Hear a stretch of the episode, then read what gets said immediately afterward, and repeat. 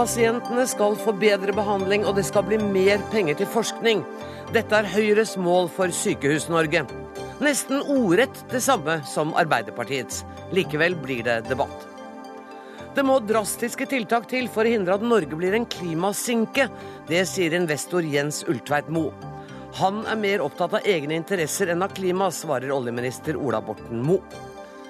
Fukushima-kraftverket i Japan lekker radioaktivt kjølevann. Strålingsnivået har økt dramatisk, og myndighetene vet ikke hva de skal gjøre.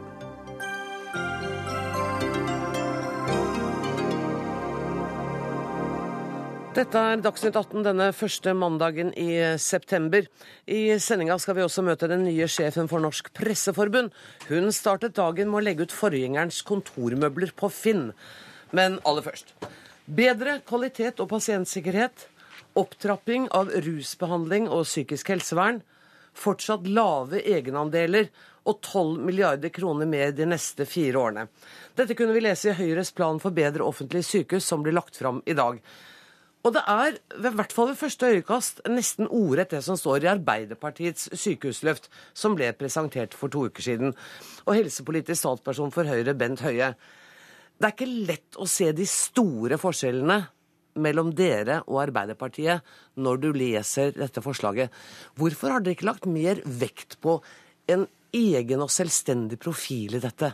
Jo, her er det i høyeste grad Høyre sin profil. Jeg tror at eh, Hvis en ser på de åtte, punkt, åtte av de punktene som eh, i dag legger fram, så har Arbeiderpartiet stemt imot eh, alle de. Dette, nettopp det som er poenget for oss å legge dette fram, er å vise at eh, vi er veldig enige om at det er viktig å prioritere det offentlige helsevesen. Det er det som er ryggraden i helsevesenet vårt, der de aller fleste pasientene skal behandles. Det sier Arbeiderpartiet òg. Ja, det mener jeg. Men det er uenighet mellom oss på måten det offentlige helsevesenet skal styre på. Eksempel så mener Høyre at eh, vi har behov for å avbyråkratisere, legge ned de regionale helseforetakene, og ikke minst få en nasjonal helse- og sykehusplan til Stortinget som lager noen definisjoner på hva skal vi forvente når vi kommer inn bak ei dør der det står sykehus over døren. Hva er det av tjenester vi faktisk kan forvente er der på de ulike typene sykehus, fra lokalmedisinske sentre til universitetssykehus. Det har jeg fått med meg, og vi skal snakke mer om de regionale helseforetakene. Men når det gjelder at dere vil bedre pasientenes uh, situasjon, dere vil øke effektiviteten, dere vil gi mer til forskning, og dere vil gi 12 milliarder kroner mer over de neste fire årene, så er jo det helt kliss likt det Arbeiderpartiet sier. Hvis du sier det på den måten, men hvis du ser på hva vi faktisk her foreslår, så foreslår vi f.eks. en uavhengig havarikommisjon for helsetjenesten for å gå inn og se på hva er det som har gått galt. Ikke bare sånn som Helsetilsynet gjør i dag, men se på hele, hele hendelsesforløpet, alt bak det. Det har Arbeiderpartiet stemt imot. Eh, når vi sier at eh, vi ønsker å, å øke den delen av sykehusets finansiering som handler om aktivitet til 50% så sier helseministeren imot.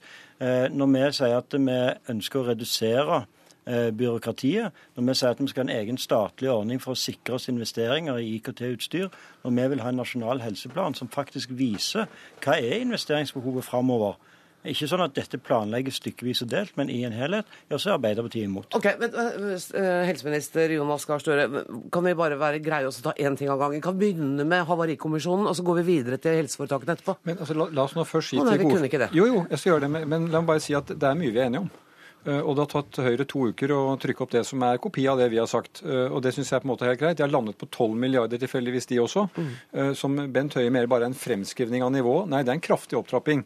Sist de regjerte, så gikk de i underskudd i alle sykehus, og det får vi iallfall se om den atferden kan endre seg.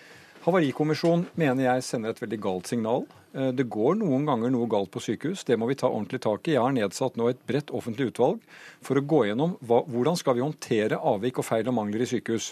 Det har gjort bl.a. å ha vært rundt på sykehusene og sett en utvikling nå hvor hvis vi gjør helsearbeidere som gjør den beste jobben de kan, leger, sykepleiere og andre, hvis vi gjør dem til en offer for at de på en måte skal rykke ut en havarikommisjon for å ta dem når noe går feil, så tror jeg vi får en fryktkultur. Og jeg har hørt møter nå om at leger stiller med advokat i møte med Helsetilsynet. Sånn vil vi ikke ha det. Så det begrepet om å ha en havarikommisjon, det er jeg imot. Men det vi er enige om, det er at vi må ha gode mekanismer for å følge opp uønskede hendelser, så vi kan lære av dem. Og så uh, går vi på uh, hele organiseringen av sykehusene. For det, det Høyre skriver, og som er helt forskjellig fra det dere skriver, er at de vil legge ned de regionale helseforetakene. Og de vil ha en uh, helse- og sykehusplan. Jeg mener helheten i det vi ser nå, koblet opp med det Høyre begynte valgkampen med og brukte mye tid på, nemlig at de vil åpne for offentlig finansiering av private klinikker, det former et hele. Eh, nå skal de altså øke den innsatsstyrte finansieringen. Det er litt teknisk. De skal øke det i sykehusene. Det er det tvert motsatte vi hører fra fagfolk i sykehusene. Det blir mer markedstenkning inn i sykehusene. Jeg mener at det er klokt at vi har en regional måned-til-måned-organisering i sykehusene våre, fordi at sykehusene ligger i regioner som er ganske forskjellige. De vurderer behov og følger med på det. Jeg som helseminister har et overordnet ansvar. I dag sa Bent Høie at hvis noen vil demonstrere, kan de komme til Oslo. Det er greit for meg, for jeg bor i Oslo, men jeg tror det er veldig lite greit for Nord-, Vest- og Midt-Norge, som i dag har en vurdering av sykehusenes behov. Det skjer masse tilpasning fra måned til måned for å sørge at sykehusene samordner seg godt. Når alt det skal skje ut fra hovedstaden, så mener jeg det blir mer sentralisering og bort fra den hverdagen folk lever i. Det er sjelden jeg hører en så engasjert, desentralisert politiker fra Arbeiderpartiet. Jo, men dette er på en måte uh, Arbeiderpartiet veldig opptatt av. Denne modellen vi har i dag ser veldig ulikt ut det den gjorde i 2001. Men når jeg har reist rundt i Sykehus-Norge, så har jeg latt meg overbevise om at det er klokt at vest vet best om vest.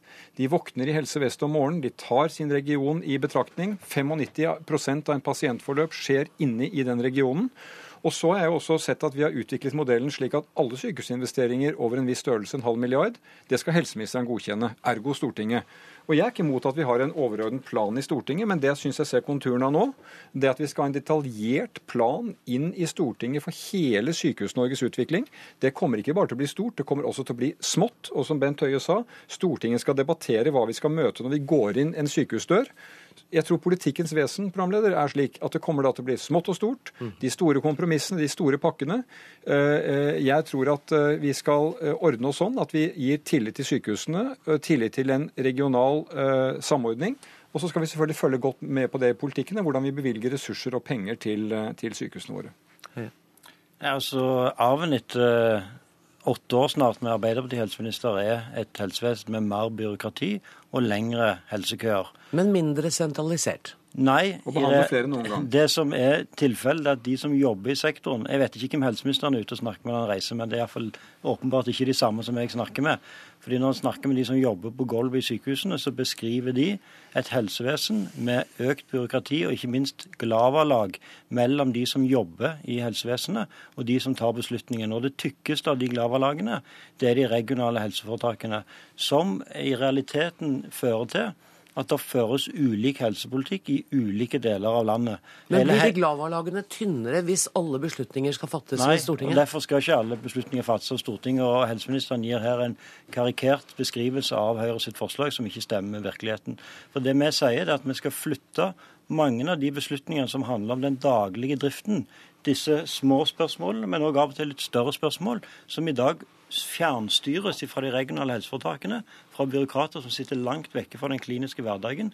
De skal flyttes ned til sykehusene, til de lokale styrene, som blir de reelle styrene. Men det som er politikk, f.eks. Eh, hvilke krav vi skal stille til eh, når det skal være akuttmottak i et sykehus, når det skal være fødetilbud, de større spørsmålene, de er politiske spørsmål. For der er det avveininger mellom ulike hensyn de bør tas eh, politisk. Og Det er helt riktig at eh, vår modell vil ikke føre til at det blir mindre diskusjon, fordi helse engasjerer heldigvis mange mennesker, og folk vil gå i fakkeltog for sitt tilbud. Men problemet i dag er at en vet ikke helt hvor dette fakkeltoget skal gå hen. Fordi når vi har konfrontert regjeringen, når folk i Stortinget, når folk ute konfronterer regjeringen med dramatiske endringer i deres lokale helsetilbud, så peker en på det regionale helseforetaket, som igjen peker på det lokale helseforetaket, som igjen peker opp igjen. Her er det blitt en, en stor sirkel og peker på hverandre uten å ta et reelt ansvar for hvordan skal helsetjenesten vår utvikle seg i årene framover. Hvis dette var et mesterskap i karikering, så syns jeg også Høie okay. gjør det rimelig bra. Eh, altså Her sier han det at vi skal da ta jobber fra dette regionale nivået, for jeg er alle enige om at de jobbene blir ikke borte den samordningsjobben. De skal flyttes ned til sykehusene. Ja. Så står det også i Høyres forslag at oppgaver fra Helsedirektoratet skal flyttes ned til sykehusene. Det blir ikke mindre byråkrati av. Men jeg er helt åpen for at man kan gi mer, og det har jeg også tatt til orde for, mer egen myndighet til det enkelte sykehus, som nå er godt konsolidert i Norge. Men mellom sykehus, uke for uke, måned for måned, skjer det en løpende koordinering som handler om pasientfordeling, en del budsjettfordeling, tiltak som må settes inn eh, midlertidig. Hvem skal ta det? Det gjør regionen i dag. Og det blir det altså da mitt utmerkede helsedepartement i dette tenkte tilfellet som skal gjøre. Det må da ansette mange flere, og det er veldig langt unna hverdagen, særlig når vi kommer utenfor eh, denne store byen vi er i dag. Derfor er det en oppskrift for sentralisering, og det tror jeg er altså ikke spesielt mer demokratisk, og det er iallfall dårlig sykehusdrift. Hege Hessing, president i norske legeforening, takk for at du har vært så utrolig, utrolig tålmodig så lenge. Men uh, jeg, jeg, vil jo tro at uh, pasientenes sikkerhet og pasientbehandlingen er et viktig argument for dere også. Hva, hva vil være best? Er det avbyråkratiseringen som nå er det viktigste? Det er en av de viktige tingene. og Vi har eh, tidligere påpekt at eh, leger nå bare bruker 43% av arbeidstiden sin pasientrettet.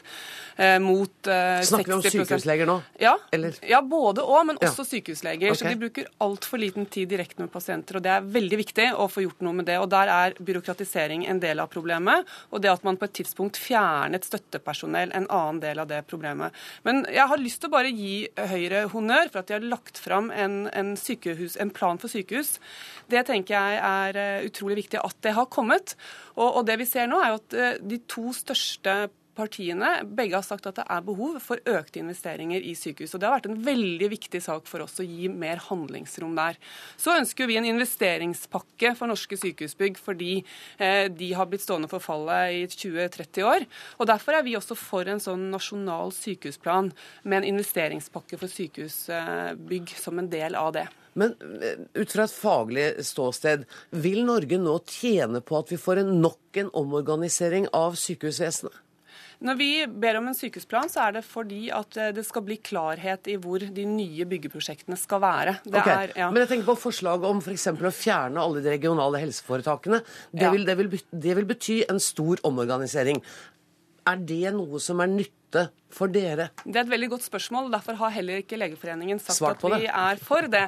Altså, Vi har sagt at det er for mange lag for mange lederlag, for store muligheter til ansvarsfraskrivelse i dagens modell, og at mer beslutningsmyndighet må ned til de lederne som jobber direkte pasientrettet. Så må jeg bare få si én ting. Når Høyre først har kommet med en plan for sykehusene, så er det én ting vi savner fra Legeforeningen, og det er ivaretagelsen av leger i spesialisering, som har et svært dårlig stillingsvern, og som trenger faste stillinger. Det skulle vi svært gjerne sett uh, i deres plan, og også i Arbeiderpartiets plan, for der har det også vært en unnvikenhet på det spørsmålet der. Neste gang tror jeg dere skal få 60 minutter å diskutere etterpå. Tusen takk for at dere kom, Jonas Gahr Støre, Bent Høie og Hege Gjessing.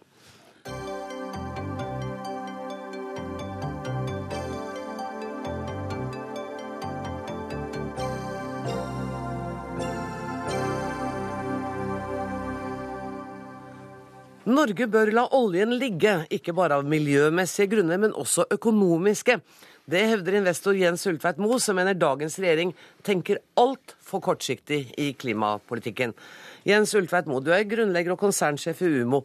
På hvilken måte er dagens klimapolitikk kortsiktig? Den er kortsiktig fordi den har som forutsetning at vi kan ta ut all oljen som er i bakken. Det kan vi ikke. Eh, fordi at gjør vi det, så blir atmosfæren ødelagt. Det blir for stor konsentrasjon av CO2, for stor oppvarming. Og det vil ha veldig alvorlige konsekvenser for kloden.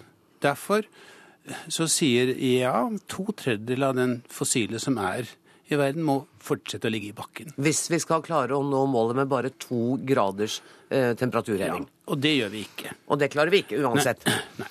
Slik at vi står det, det øker bare alvoret for meg. Vi får trolig en større økning enn de to gradene, fordi at det tar en stund før vi reagerer. Hva burde vi gjøre da? Jeg har en lang oppskrift på det. Men det som er viktig her, er at det sannsynlige som vil skje, at ingen, ikke mye vil skje på et par tiår, og så vil det plutselig gå opp for folk flest hvor alvorlig dette er, og det vil bli en stopp på utvinningen av fossilt med høye karbonskatter. Og da er det veldig viktig at vi i Norge er forberedt. Hvis vi da har bygget ut Barentshavet, har bygget ut masse anlegg som så blir stående, har vi et meget alvorlig økonomisk problem. Derfor sier jeg at la oss ta ut det vi har, men stoppe der. Ikke, ikke utbygging i Barentshavet? Ikke utbygging i Barentshavet. Og, og det, sier jeg ikke av miljøhensyn. Eh, oljeindustrien har en glitrende miljøhistorie. Veldig lite utslipp. Jeg sier det for at jeg tror at det blir tap på det. Både fordi at det er dyrt å bygge ut, fordi jeg tror det vil komme karbonskatter. Og det vil gjøre at innen levetiden av de feltene, hvis vi finner dem, så vil det bli stopp, og dermed vil nåverdien av det bli lave. Og så sier og du sats på vann og vind. Mener du da at vi bør legge flere elver i rør? Ja, det mener jeg helt klart. Nå ble du kjempepopulær, tror jeg, blant mange lyttere. Ja. Vi vedtok å, å verne vassdrag i 70-årene av hensyn til naturen. Mitt argument nå må vi åpne dem av hensyn til naturen. Mm. Eh, vannkraft er veldig eh, naturvennlig kraft. Eh, hvis vi fortsetter med store utslipp, så vil det gå hardt utover naturen i hele verden, ikke bare i Norge.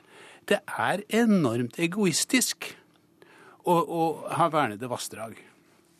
Jeg, jeg syns det er helt praktfullt jeg, med vassdrag. og synes det er veldig fint, men jeg har litt dårlig samvittighet når jeg ser på det vannet som flyter og elektrisitet som ikke kommer, mm.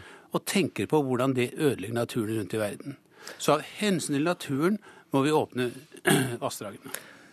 Ola Borten Moe, jeg vet at dere har møttes tidligere og hatt en eh, tilsvarende diskusjon, men kanskje ikke med så mange eh, tilhørere.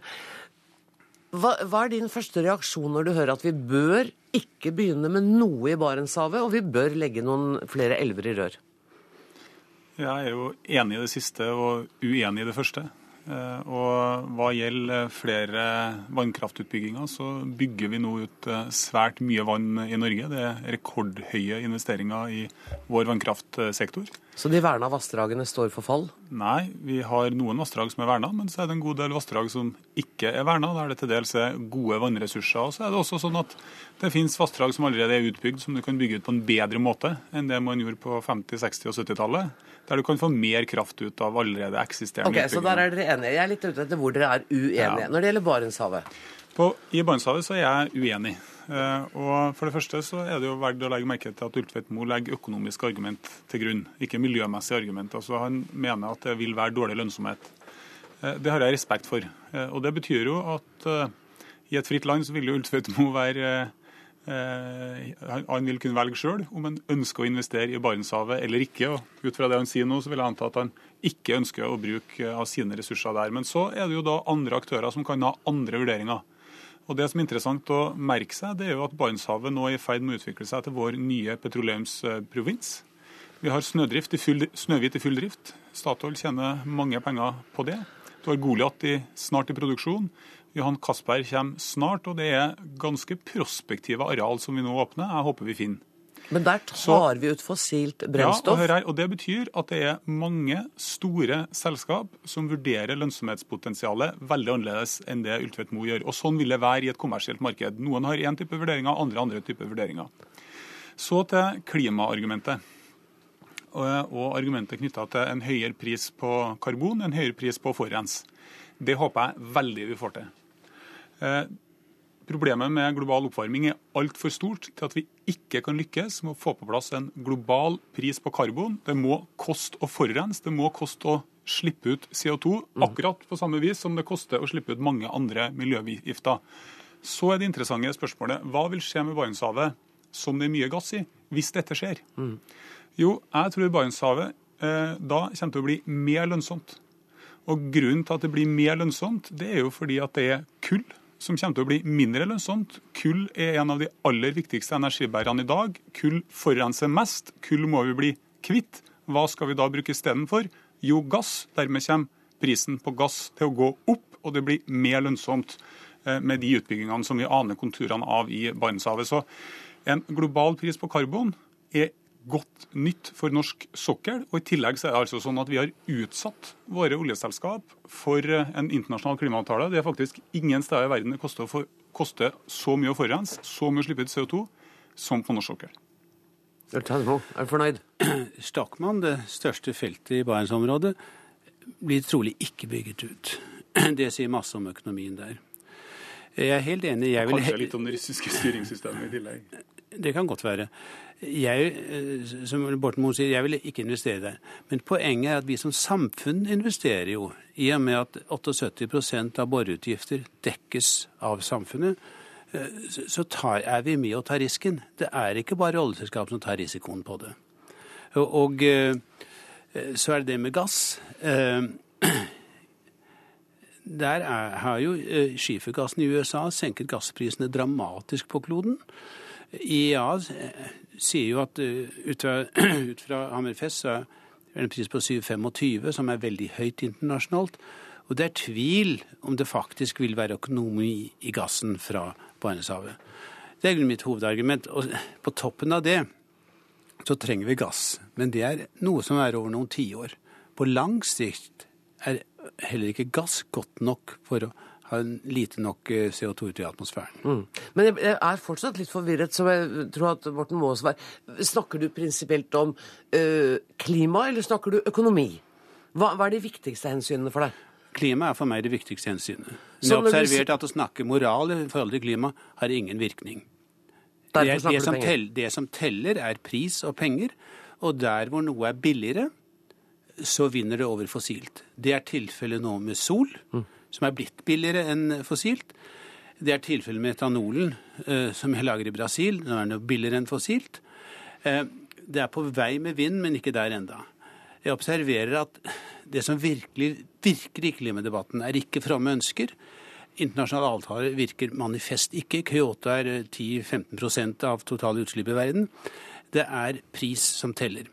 Og Det betyr at eh, teknologisk utvikling er kjempeviktig. Og vi ser jo f.eks. i Sol at eh, etterspørselen eksploderer så snart det blir billigere enn eh, fossile. Og det er det som kommer til å skje, Morten Moe? Jeg er helt enig i at jeg tror pris kommer til å være det viktigste framover. Og det gjør at vårt fremste ansvar er å sørge for at du får en pris på å forurense. Ikke bare i Norge, der vi har praktisert dette i over 20 år, men også internasjonalt. Og det er ingen som bidrar så mye for å få til det globalt som nettopp Norge gjør. Så er det interessant å, å merke seg eksempelet med skifergass. Mm. For det fører jo nå til at eh, amerikanerne er den økonomien i verden som reduserer CO2-utslippene sine raskest, samtidig som de opplever økonomisk vekst. I Tyskland så har man også økonomisk vekst, men der går CO2-utslippene opp fordi at man brenner det samme kullet som amerikanerne ikke lenger har bruk for. Og Det leder meg inn på mitt hovedpoeng. Vi er nå nødt til å gjøre det som virker, og vi er nødt til å gjøre det som virker først nå.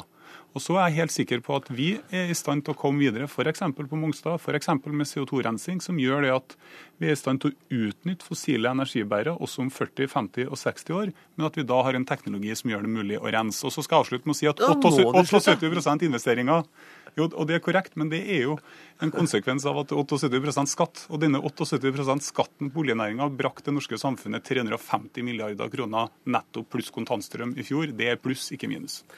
Tusen takk for at det hvor alvorlig det er hvis de blir borte. Tusen takk for at dere kom. Jens Ultein Moe, Ola Borten Moe. Jeg vil gjerne at dere blir sittende. Jeg har invitert inn i studio kommentator i Dagens Næringsliv, Kjetil Alstaheim. Eh, hvordan tolker du de reaksjonene som har kommet fra politisk hold på Ultveit Moes kronikk? Jeg syns det mest interessante er å se hva slags eh, fullstendig sprik du har i den rød-grønne regjeringen. Vi har hørt Borten Moes reaksjon her. Og så har vi i den andre enden miljøvernminister Bård Vegar Solhjell, som omfavnet uh, Ultveit Moe og kalte det omtrent SV-politikk da Ultveit Moe skrev kronikk hos oss. Vi, hadde, vi har invitert ham også, men han kunne dessverre ikke komme i dag. Nei, de burde jo, Den duellen vi burde hatt, var jo mellom Solhjell og, og Borten Moe. Vi har prøvd. Jeg er i hvert fall ikke i tvil om hvem i denne debatten som Solhjell ville heie på. Du skrev eh, i Dagens Næringsliv forrige uke at det nå handler om hva oljelandet Norge kan tape hvis verden faktisk redder klimaet. Ja, det, det, er jo blitt en litt ny dimensjon i klimadebatten her som har kommet uh, litt sterkere i løpet av året. Også fordi du har fått en mer en internasjonal diskusjon om hvorvidt det fins en karbonboble i eh, finansmarkedene. Altså om olje, kull, eh, fossilselskaper kan være overpriset. For hvis verden tar togradersmålet på alvor og setter inn tiltak, så eh, vil jo oljepriser og priser på altså vil olje, kull, kanskje gass, det er litt mer uklart, bli mindre verdt. Mm.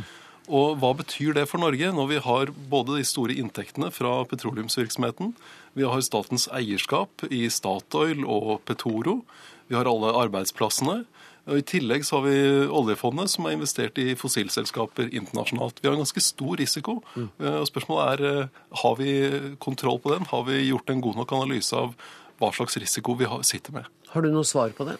Eh, nei, det har jeg ikke. Men fordi det kommer litt ulike svar fra de de som har lagd analyser. Og det å gjette oljeprisen, det er det jo mange som prøver å bli rike på. Og det er ikke alle som lykkes, for å si det sånn. Men, eh, men det virker jo som Borten Moe ikke er så veldig interessert i å gå inn i den diskusjonen, mens SV prøver å dra den veldig opp. Men, men har Ultveit Moe rett i at om 20 20-30 år, så kommer vi virkelig til å skjønne alvoret. At foreløpig så glir vi litt sånn av gårde og håper at det skal gå bra. Eh, ja, det, det, tror jeg nok eh, han kan ha rett i på mange måter. Men det vanskelige er jo å vite hva er det som, hvilke ressurser er det som ikke vil lønne seg å, mm. utvinne.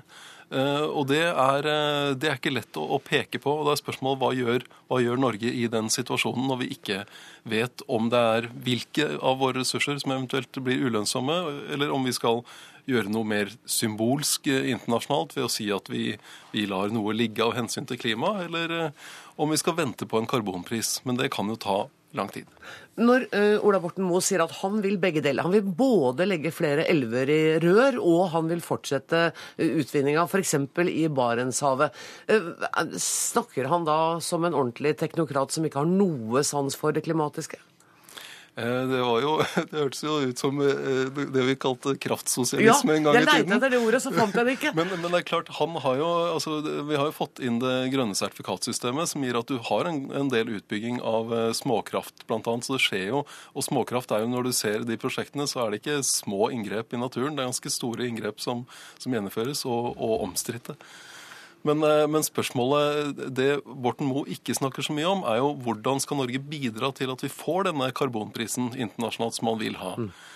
Og der eh, Han viste til Mongstad og CO2-rensingsprosjektet der, men det har jo virket som det har kjørt seg fullstendig fast og først og fremst blir veldig dyrt. Og når det gjelder karbonskattene, så kommer vi til å snakke mer om det neste gang dere kommer. Tusen takk, mine herrer. Jens Ulltveit Moe, Ola Borten Moe og Kjetil Alstadheim.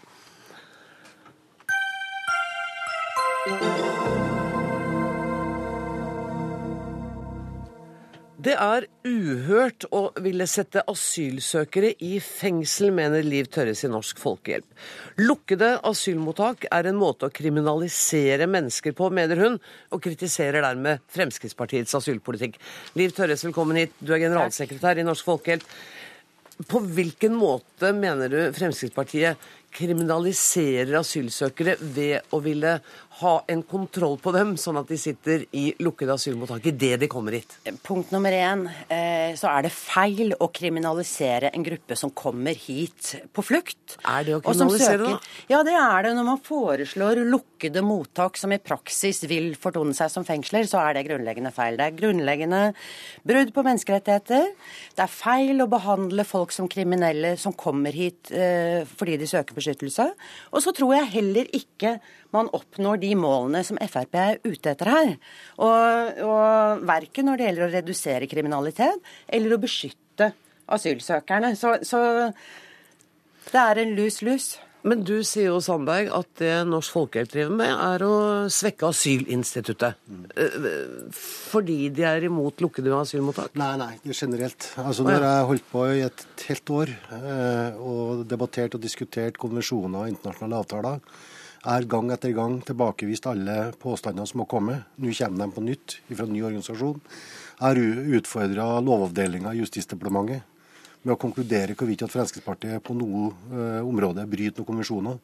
De ønsker ikke å ta det uh, innover seg. Jeg har kvalitetssikra det med FNs høykommissær. Jeg var besøkte FNs høykommissær i, i, Hell, i Hellas. Besøkte et lukka mottak der. Men, det, er helt, du... helt, det er helt innafor de konvensjonene som vi har i dag. Og så er det altså sånn at eh, det er ikke nødvendigvis å kriminalisere.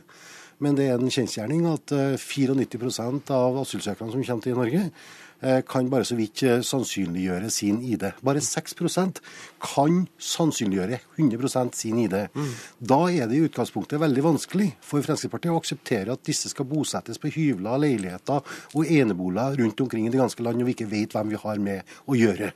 Det er utgangspunktet vårt. Så når det gjelder detention center for barn og kvinner, så er det akkurat det samme som FNs høykommissær drifter i Hellas det er omsorgsboliger som er lukka. Eh, du kan gjerne sammenligne med kostskolene i England, som er lukka.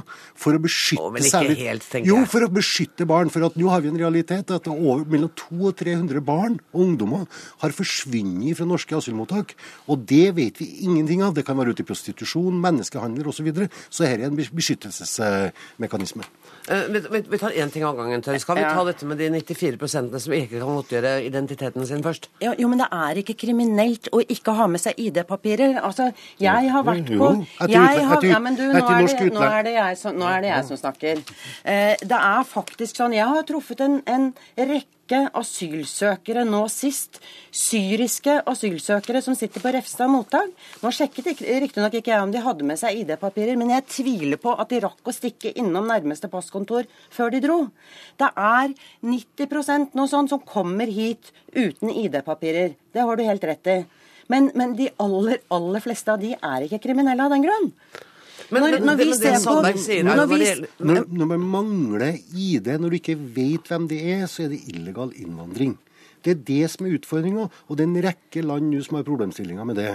Og Derfor så må vi også være litt føre var. da. Det går at, ikke an å kalle det rekke... illegal innvandring når de kommer hit og jo, ber om asyl. Jo, det, er, det tillater jeg meg å kunne si. ja, for Når jeg reiser rundt omkring i verden og ikke har med meg ID, så blir jeg sannsynligvis da satt i varetekt en eller annen plassen. Jo, jo, men det er ikke så rart når du kommer fra Norge. Asyl. Kan jeg få lov til å komme med en liten stikkommentar her? Ja. Det er faktisk sånn at både politi og UDI opererer med at det er i rundt 1 av de som er asylsøkere, og som for øvrig ikke bor i leiligheter og eh, diverse, som, som, du sier, de bor på mottak, så man har rimelig god oversikt. 1% som man regner med er kriminelle.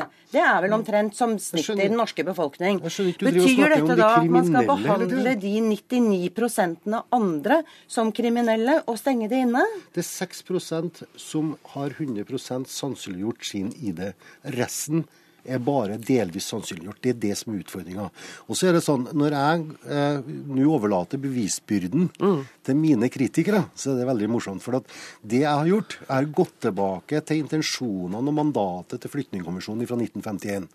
Det ble innført for at enkelte stater skulle ha en rettighet til å beskytte mennesker som var på flukt, når det var fare for liv og helse i nærområdene.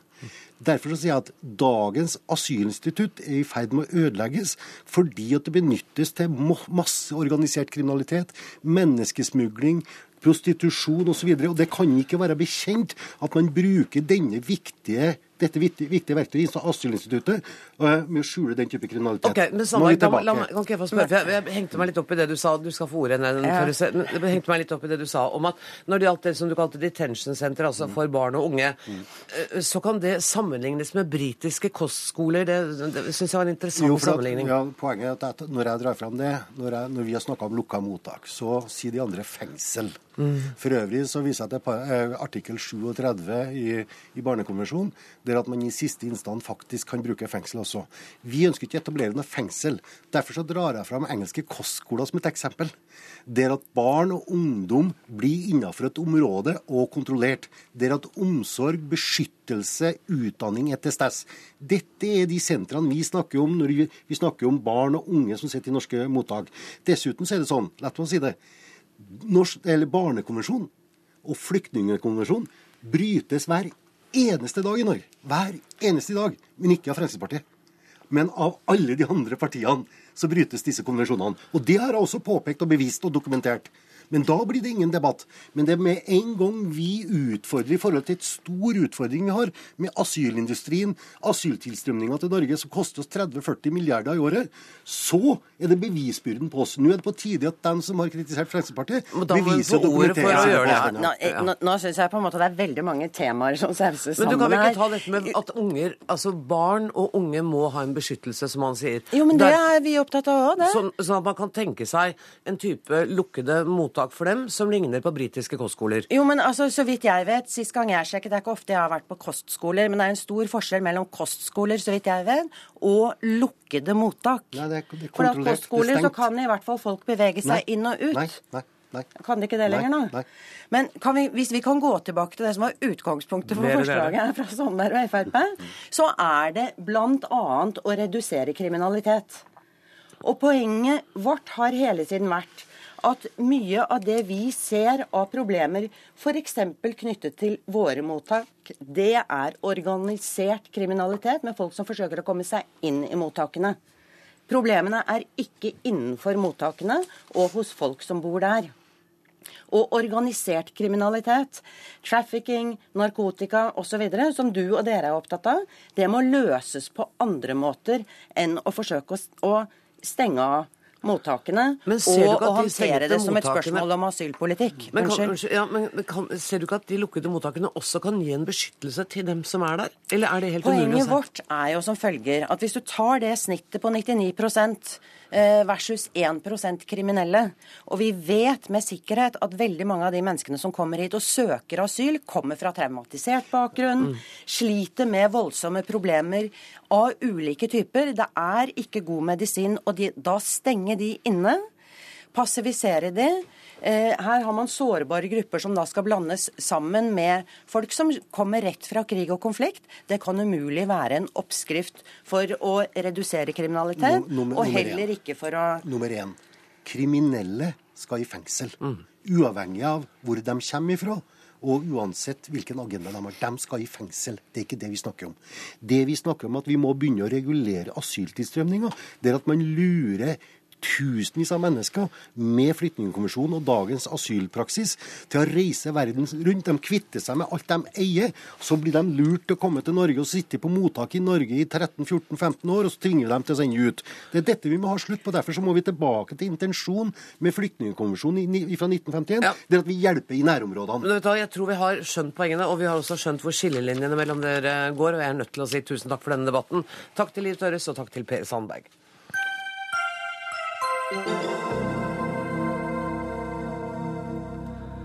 Det lekker radioaktivt kjølevann i betydelige mengder fra Fukushima-kraftverket i Japan, og sjefen for Japans strålevernmyndigheter frykter det er uunngåelig å slippe det vannet ut i havet.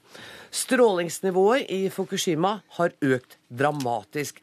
Anniken Mori, du er misjonær og bor fire mil unna atomkraftverket. Først må jeg si tusen takk for at du var oppe så lenge i natt og ventet på oss. Klokka er vel snart eh, kvart på to din tid? Eh, det går bra, du. du, hva får dere i Japan vite om lekkasjene fra kraftverket? Ja, vi har fått eh, vite det som dere har fått vite, tror jeg det har vært påpekt at det må ikke skjules. Og, og eh, eh, jeg håper det at, at, vi får like mye eh, eh Altså En gang her i vår så ble det oppgitt et helt konkret tall eh, med en lekkasje. Så dette er noe som har skjedd stadig, og som vi har visst om.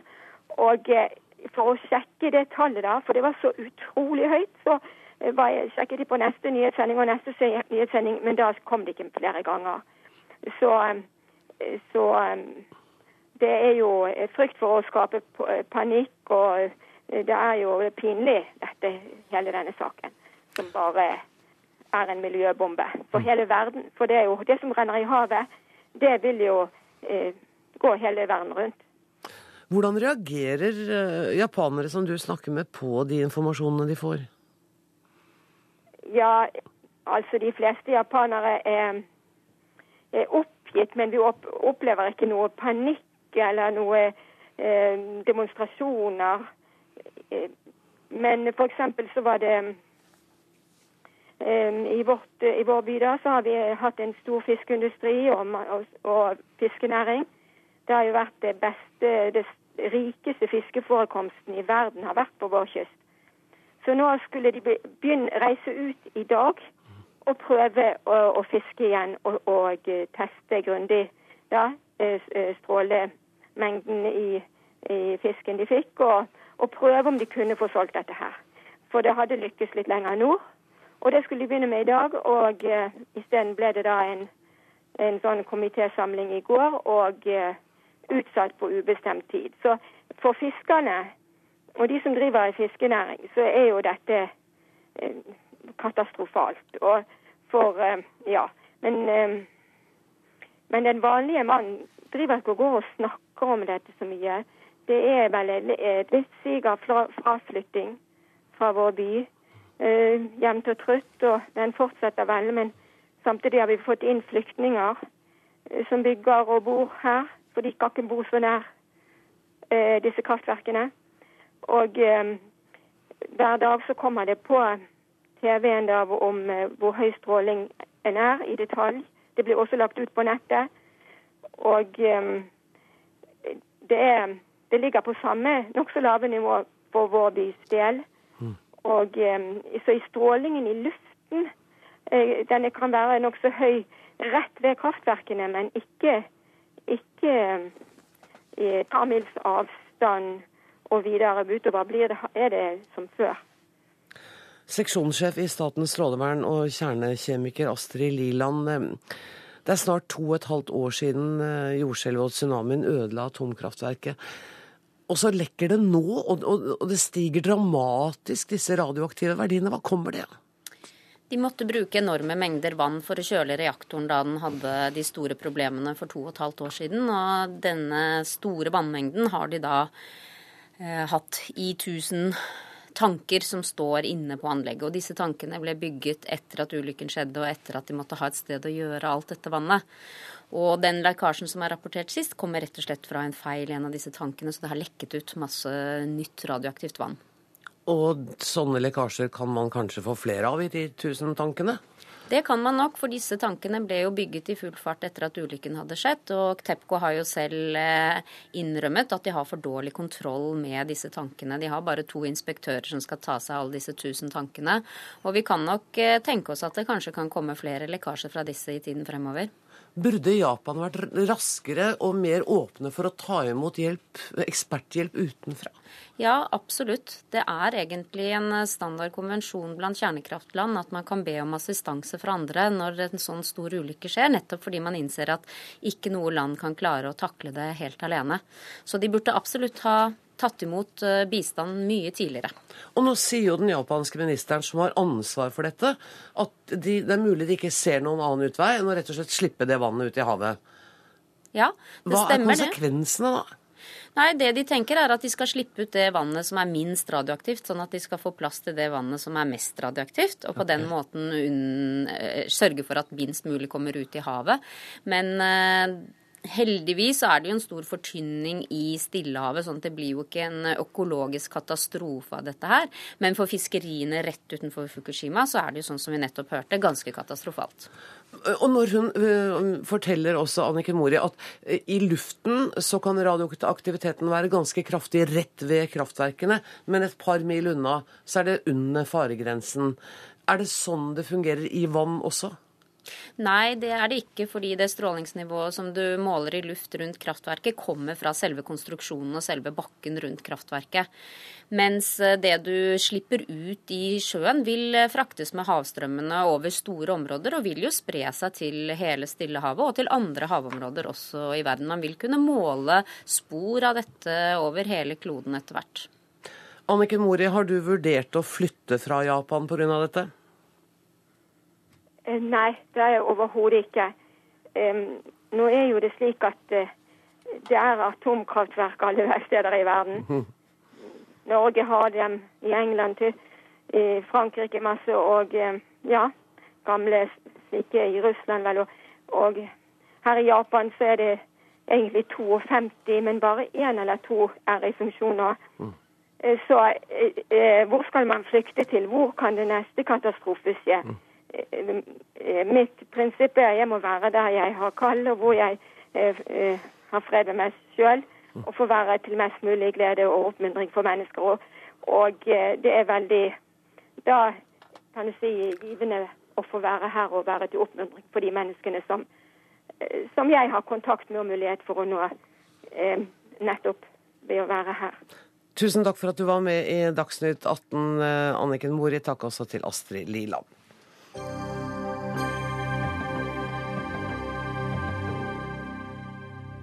Norsk Presseforbund har fått ny generalsekretær. Hun har lang fartstid i norsk journalistikk, bl.a. som redaktør for Aftenpostens kveldsutgave Aften og A-magasinet.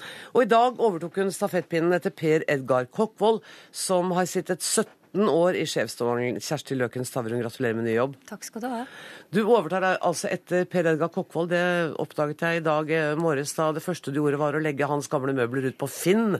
Har du fått solgt dem ennå? Nei, jeg har ikke fått solgt dem ennå. Men det er, eh, det er, etter avtale med Per Edgar, altså. Ja, Det var ja. det første du gjorde når du Ja, for at det, de, må, de, møblene må jo ut for at jeg skal kunne komme inn med noen nye møbler. Eh, så, så, det er rent praktisk. Og vil, vi er begge enige om at det vil være fint hvis vi kan få noe penger for det. For vi har ikke så mye penger i Presseforbundet. Nei, jeg skulle til å si Det vitner om et sant kommersielt sinnelag. Og det er noe av det du har vært kritisert for før. At du har vært mer opptatt av bunnlinja enn av journalistikken. jeg er ikke mer opptatt av bunnlinja enn journalistikken, men jeg er opptatt av at journalistikk og god journalistikk trenger en god finansiering, fordi det koster å lage god journalistikk. Og vi vil ha de flinke folka til å drive med god journalistikk, og de skal ha en anstendig lønn. Så, og sånn som det er i, i mediene nå, så er det litt dystre utsikter for inntektene. Mm. Inntektsbildet er komplisert, eh, og eh, de forsvinner. Eh, så er, jeg mener det er helt riktig å også tenke på hvordan vi skal finansiere journalistikk. Det er ikke bare du som har fått ny jobb i dag, Arne Jensen. Du har lang journalisterfaring og vært redaktør for både Østlandsposten og Moss Avis. Og i dag er du altså ny generalsekretær i Norsk redaktørforening. Gratulerer. Takk skal du ha. Hvor mye møbler har du solgt i dag? Ingen. Rakk du ikke det? Nei. Og jeg har ikke tenkt å selge noen heller i utgangspunktet, for jeg har møbler på kontoret mitt der nede allerede. Eh, så ja. Men er du enig i det den nye generalsekretæren i Presseforbundet sier om at det å få den beste journalistikken krever at man har en solid økonomi i bunn? Ja, det er klart. fordi at Hvis du skal ha kompetente journalister, og du skal ha organisasjoner som kan kvalitetssikre det som bringes videre av journalistikk, og som skiller journalistikken fra veldig mye annet av den informasjonen som flommer over oss, så krever det faktisk at det er noen kompetente mennesker som må betales. Eh, det, og det er litt av forskjellen på det som er journalistikken og det som eh, ikke er det. Hvor er det blitt av idealismen og det journalistiske unnskyld, det journalistiske kallet, da? Nå ble jeg litt overivrig her. Jo, men det er ikke sånn at du får ikke Du må ha, du må ha hus og, og, og, klær og mat, ja, eh, selv om du er journalist eller redaktør. Altså, idealismen, har en, idealismen har en smertegrense. Mm. Eh, så, og, og, hvis du vil ha de beste folkene, så må du, så må du ha også anstendig, en anstendig økonomi fordi at det, eh, journalistikk er, et, eh, er et ubeskyttet, eh, en ubeskyttet profesjon, men det er en krevende profesjon. Det tror jeg sikkert du vil også skrive under på. Om. Nei. Så, så, og, det, og, det, stiller noen krav til oss på mange områder, og, og de er det vi må prøve å sette oss og hverandre i stand til å fylle for at vi skal kunne ivareta en rolle som vi alle tror jeg er enige om er viktig å ha i et moderne demokrati. Mm. Og etikken i dette her har vært uh, viktig for deg, eller for dere begge selvfølgelig. Men Kjersti Løken Stavrum, du sier at du skulle ønske at Vær varsom-plakaten på en måte var et enda tydeligere symbol hver dag i avisenes spalter, i radioen og TVs programmer. Mm. Veldig mange godt voksne mennesker ved, kjenner den PFU-logoen og har sett den i den avisa de har lest gjennom alle år. Nå er det sånn at den logoen har på en måte eh, forsvunnet litt ut. Eh, og på nettet kan du nesten ikke finne den. Eh, veldig mange av de store redaksjonene har valgt, glemt, valgt den bort eller glemt den. Eh, og det gjør at det eh, som er pressens felles etiske regler, de forblir da ukjente for nye mediebrukere. Eh, og jeg mener jo, og det er ikke noe spesielt kontroversielt, jeg tror jeg har hele pressen med meg på det, at det er våre etiske regler, Vær varsom-plakaten, som gjør oss til noe helt spesielt. Mm. Til forskjell fra alt det andre innholdet der ute, som hver og en kan lage, og som for all del er bra. Men du mener at redaktørene også skal være flinkere til å vise at det bruker den? Det er jo en utfordring til deg, da. Ja, men det er helt riktig, og det, og det skal vi jobbe med. fordi at eh, det vil også være helt, helt overbevist om at det vil være et konkurransefortrinn i det store eh, landskapet der ute å kunne si at jo, men vi har en redaktør som er ansatt på redaktørplakaten, vi har forpliktet oss på å være varsom-plakaten, vi har noen faglige standarder vi jobber etter, den informasjonen vi leverer er noe annet enn veldig veldig mye av det andre du finner der. Men å bevisstgjøre i forhold til det, det er en jobb vi har å gjøre. Noen tror, at, og har sagt også, at kanskje vi ikke trenger journalister og redaktører inn i en digital fremtid. Jeg tror, vi, jeg tror vi trenger det mer enn noen gang, fordi at noen må bidra til å sortere og kvalitetssikre og legge til rette den informasjonen som er den viktige og vesentlige informasjonen. Ja, nei, jeg, jeg, tenker at vi står der nå at eh, det er de som er klartenkt i forhold til hva er journalistikk, og mm. hva er redaktørens rolle. Og at det må, en, det må jo ligge en verdiøkning i innholdet, i det at det er en redaktør som gjør et valg om hva som skal publiseres og hva som ikke skal publiseres. Kan du si at journalistikk er ikke ytringsfrihet? Journalistikk er avhengig av ytringsfrihet, men vi redigerer jo et innhold. Mm. Og, det er, og, det skal være bra. Eh, og det er da lagd etter de reglene som vi skal kunne vise også nye mediebrukere at eh, dette er bra. Du kan godt mene at det er mye dårlig innhold der ute, men det står ikke vi til ansvar for. De moderne mediebrukerne kommer til å bli mer og mer kresne, og de har blitt mer kresne fordi at de er, mer, de er bedre orientert, de er mer kunnskapsrike, og de vet mer om hvordan og hvor du finner informasjon. Og De kommer til å stille krav til gjennomsiktighet i metodebruk. Hvilke regler bygger vi på? Hvordan er dette, denne artikkelen eller denne sendingen blitt til? Hvem er kildene? Mm. Osv. osv. Det blir mer og mer krevende å, bli, å være journalist også? Ja, det tror jeg. Ja, vi krever bedre og bedre lønn.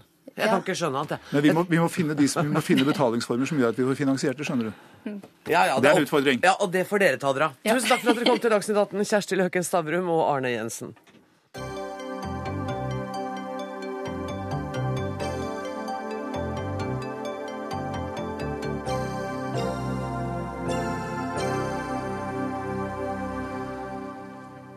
Dagens ungdomsgenerasjon er den intellektuelt mest lydige og konturløse i norsk etterkrigstid, skal vi tro sosiolog Gunnar Åkvåg, som i en kronikk på Aftenposten NO søndag etterlyser et politisk prosjekt hos generasjoner født på 80- og 90-tallet. Gunnar Åkvåg, hva mener du med det? Det er vel kanskje et uttrykk for at jeg nettopp ble 40 og da har en liten sånn 40-årskrise og tenker at nå skal ungdommen få lov til å unngjelde. Åh, men, men kom ikke til meg og sutret om dine 40-årskriser. Beklager, det er også helt irrelevant for denne saken. Det som har vært utgangspunktet mitt, er at har, det har vært en stor kampanje nå for å få ungdom til å stemme. Ja. Og det virker som fokuset har vært det viktige er at ungdom stemmer, ikke nødvendigvis hva de stemmer på. Mm. Og da, Det syns jeg er på en måte litt problematisk. og det Jeg har gjort nå er at jeg har tatt for meg etterkrigsgenerasjonene i Norge og sett på dem. og Det som er typisk for alle etterkrigsgenerasjonene, med unntak av den som sitter ved siden av meg her, er at de har et litt sånn omfattende kollektivt politisk prosjekt som gjerne går på tvers av partigrenser. Gerhardsen, og som er gjerne et svar på, på måte, opplevelser som var formende for dem da de var unge. Gerhardsen-generasjonen opplevde klassekamp, økonomisk krise, fem år med tysk okkupasjon, og deres svar ble da gjenoppbygge landet, velferdsstaten. Så kom 68-erne, utakknemlige lømlene, som da dolket sin foreldregenerasjon, din generasjon, i ryggen med et veldig antiautoritært prosjekt. Det gjaldt å bryte ned hierarkier i familie, i arbeidsliv osv. Etter den generasjonen så kommer da min generasjon. Ja, ironi. Hva var prosjektet da? Det er et godt, interessant spørsmål. Tilsynelatende så var ironigenerasjonens prosjekt å ikke ha noe prosjekt. Ja. Vi opplevde jo bl.a. murens fall, sant? sosialismens kollaps. Store utopiske prosjekter kunne ikke fungere. Men i ettertid så mener jeg at det er tydelig at min generasjons store prosjekt var en form for eh, aksept av hverdagsfrihet, folks rett til å gjøre hva søren de vil i hverdagen. Et eksempel på det kan være at jeg tror at når vi i Norge har brutt ned skillet mellom høykultur og lavkultur, at i Norge kan du både høre på Beethoven og Beatles, du kan både lese Jo Nesbø og Dostojevskij, så er det fordi min generasjon har bidratt til en sånn voldsom aksept for at man kan få gjøre sin egen greie. Skal jeg takke ironigenerasjonen for det, du? Det, det hadde jeg faktisk ikke tenkt før nå. Men det skal du. Ok, det skal jeg. Mens bare for å avslutte, ja. det, når vi da kommer til denne siste generasjonen som sitter ved siden av meg, som er født på henholdsvis 80- og 90-tallet, ja. så har jeg store problemer med å se Jeg ser veldig mange intelligente, oppegående, hyggelige, sympatiske individer, men jeg ser ikke noe kollektivt generasjonsprosjekt. Jeg ser en generasjon med flinkiser som debuterer senere seksuelt, drikker mindre, ruser seg mindre, røyker mindre, tar streite økonomiske administrative utdanninger, og som også lever livene sine på sosiale medier. Men jeg ser ikke noe kollektivt politisk prosjekt. Så det er på en måte min utfordring. Jeg håper dette tas med på en god måte. Altså, det er ment som et oppriktig godt ment spark i baken til denne nye generasjonen. Elisabeth Løland, likte du det sparket i baken? Du er leder i KrFU. Ja, altså nå er det sånn at Den voksne generasjonen, hvis jeg kan få bruke det om en som nettopp har fylt 40, eh, de har klaga på ungdommen siden Sokrates, så det er ikke noe veldig mye nytt i dette. Men det hadde en kanskje... En ny type klage. Han ja. anklager dere for å være for snille, for ordentlige, for dydige, eh, for lite drikkfeldige og for lite opposisjonelle. Ja, men jeg klarer altså ikke å få meg til å se på det som et nederlag at vår generasjon ikke har en slags kollektiv retning eller kollektiv ønske Fortidens generasjoner har gjort mye viktig. Disse generasjonene har eh, brutt eh, grenser og gjort viktige ting for eh, samfunnet. Men Altså, Jeg ønsker å kjempe for ungdom med psykiske problemer, for verdens fattige. Og jeg kan ikke kjempe for det sammen med ungdommer som mener at billig sprit er det viktigste, bare fordi de er født i samme tiår som meg. Da må jeg alliere meg med de som er enige med meg, og heldigvis så kan vi også alliere oss for politiske saker på tvers av generasjoner. Og du syns ikke det er noe negativt stempel å bli kalt flinkis? Nei, jeg syns ikke at man skal klage på ungdom for at de bruker mindre narkotika enn det din generasjon gjorde. Vegard Vennesland, tidligere leder i AUF Oslo og stortingskandidat for Oslo Arbeiderparti. Hva sier du til den manglende ideologien hos den generasjonen? Nei, jeg ble, jeg ble litt overraska og prøvde liksom å få grep på hva det egentlig var han mente her. Og så sier han jo også selv at han ikke hadde et prosjekt sjøl når han eh, vokste opp. Eh, og så kommer han liksom og avkrever et prosjekt fra oss. Syns kanskje at han kunne vært litt rausere med ungdommen når han ikke hadde et sjøl engang. Jeg opplever at ungdom har mange prosjekter, også på tvers av partiskillelinjer. Jeg opplever at ungdom er mer opptatt av miljø enn det den voksne generasjonen er. Mer av internasjonal internasjonal eh, solidaritet og av likestilling. Og eh, Der er det mange kamper som fortsatt eh, er viktig, viktig å ta, hvor jeg føler at ungdom har en, har en tydelig rolle. F.eks. når vi innførte kjønnsnøytral ekteskapslov. Det var i 2009. Mm. Det var etter påtrykk fra ungdom. Er vi i avsluttende delen av skolevalgene. Prøv å spørre mange ungdom om de syns at det er et, at det burde reverseres. Det er det ikke. Mm. Ungdom som, som blant annet, da, som kjempet fram. Så vi har flere prosjekter. Men, men, du sier jo i artikkelen din at eh, noe av problemet er at nå underviser du sjøl. Har undervist et par tusen ungdommer. Mm. Og du blir ikke utsatt for den kritikken som dine forgjengere har blitt av deg og av meg og av alle andre. Jeg synes det er noe også, altså jeg spør meg selv blant annet, hvorfor, er denne generasjonen, hvorfor mangler denne generasjonen et kollektivt politisk prosjekt? Og så si at Det kan bl.a. ha noe å gjøre med at en litt sånn mangel på intellektuell nytenkning. Og Det 68-erne gjorde, var at de utfordret Gerhardsen-generasjonen med en form for sånn kritisk teori. Du er opptatt av Marx og Mao og sånne folk. Og de kunne foreta avstemninger i auditoriene. Skal foreleseren få forelese, eller skal vi studentene overta? Så kom min generasjon, og vi kastet av obskur fransk postmoderne teori på 68-erne. Selv har jeg nå undervist i ca. ti år på Universitetet i Oslo og hatt et par tusen studenter, et par hundre i året, og jeg opplever aldri å bli utfordret på den litt mer sånn grunnleggende eh, systemkritiske måten som da tidligere generasjoner har gjort. Så jeg ser på en måte det er, For meg er det en form for intellektuell konturløshet. Det innebærer ikke at ikke denne generasjonen består av veldig mange flinke, oppegående Nei, mennesker, for det gjør den absolutt. Men er det, er det bekymringsfullt for samfunnet at eh, de er kanskje litt mer konforme og litt eh, mindre uh, opprørske? Ja, og det er veldig mange grunner til det. Én er rett og slett at demokratiet avhenger av at nye generasjoner får et eierforhold til demokratiet. Og da må man ha noen kollektive generasjonsprosjekter som man bruker demokratiet for å iverksette. Og det ser jeg ikke at denne generasjonen faktisk gjør. Og hvis jeg kan få lov til å fortsette å si eh, litt mer, altså Eh, vi står overfor ganske mange store kollektive utfordringer. Miljøproblemer, eh, altså økologisk krise, eldrebølge. hvordan skal vi få velferdsstaten til å overleve høyreekstremisme osv. Så, videre. så vi, det er rett og slett en situasjon nå som kaller på at nye generasjoner som ikke er like bundet opp til tidligere konflikter og kompromisser, rett og slett kan ta litt tak i denne situasjonen og lansere noen kollektive prosjekter som kan ses på som en form for tidsrettede svar på de store utfordringene vi står overfor. Elisabeth Løland, ser dere ikke det? Ja, det er klart. Som ungdomspolitiker så er jeg jo kjempeopptatt av å skape eierskap til demokratiet. Og vi reiser jo rundt på hundrevis og tusenvis av debatter akkurat nå med ungdom for å møte ungdom, for å engasjere dem i demokratiet. Men det jeg ikke skjønner, er at jeg må kjempe for de sakene jeg er opptatt av, sammen med bare folk som er født i mitt tiår. Kan ikke jeg få jobbe sammen med de som er født i mitt tiår, som er enige med meg? De som er født i tiåret før og tiåret etter, som er enige med meg, så samler vi oss rundt sakene. Så er jo vi også en av de mest solidariske ungdomsgenerasjonene. Hvis man målte for eh, en del år siden, som at ungdommer var opptatt av eldre og ungdom. Eldre var opptatt av eldre og ungdom. Hvis man spør i dag, så er ungdom fortsatt opptatt av eldrepolitikk og ungdomspolitikk, men eldre er bare opptatt av eldrepolitikk, sånn rent statistisk sett. Og det viser jo at det ikke er alltid sånn at det er den unge generasjonen som svikter, og alle de andre som har rett. Men Vennesland, litt uh, intellektuelt uh, avsleppende, er dere det? Dere er ikke liksom helt på hugget der? Jeg kjenner meg ikke, jeg kjenner meg ikke helt igjen, eh, igjen, i den eh, beskrivelsen. Jeg, jeg, opplever jo at eh, mange har vært veldig kritiske til etablerte strukturene. Og bare ser nå hvor det økte engasjementet vi opplever blant ungdomsorganisasjonene f.eks. Når det kommer nye ungdom inn i organisasjonene.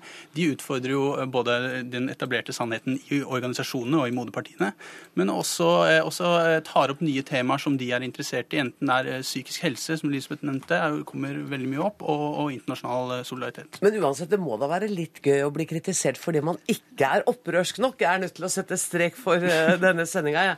Og si tusen takk til Gunnar Aakvåg som satte i gang denne debatten. Takk til uh, Vegard Vennesland og Elisabeth Løland. Og så skal jeg bare helt til slutt nevne at ansvarlig for Dagsnytt 18 i dag var Sara Victoria Rygg.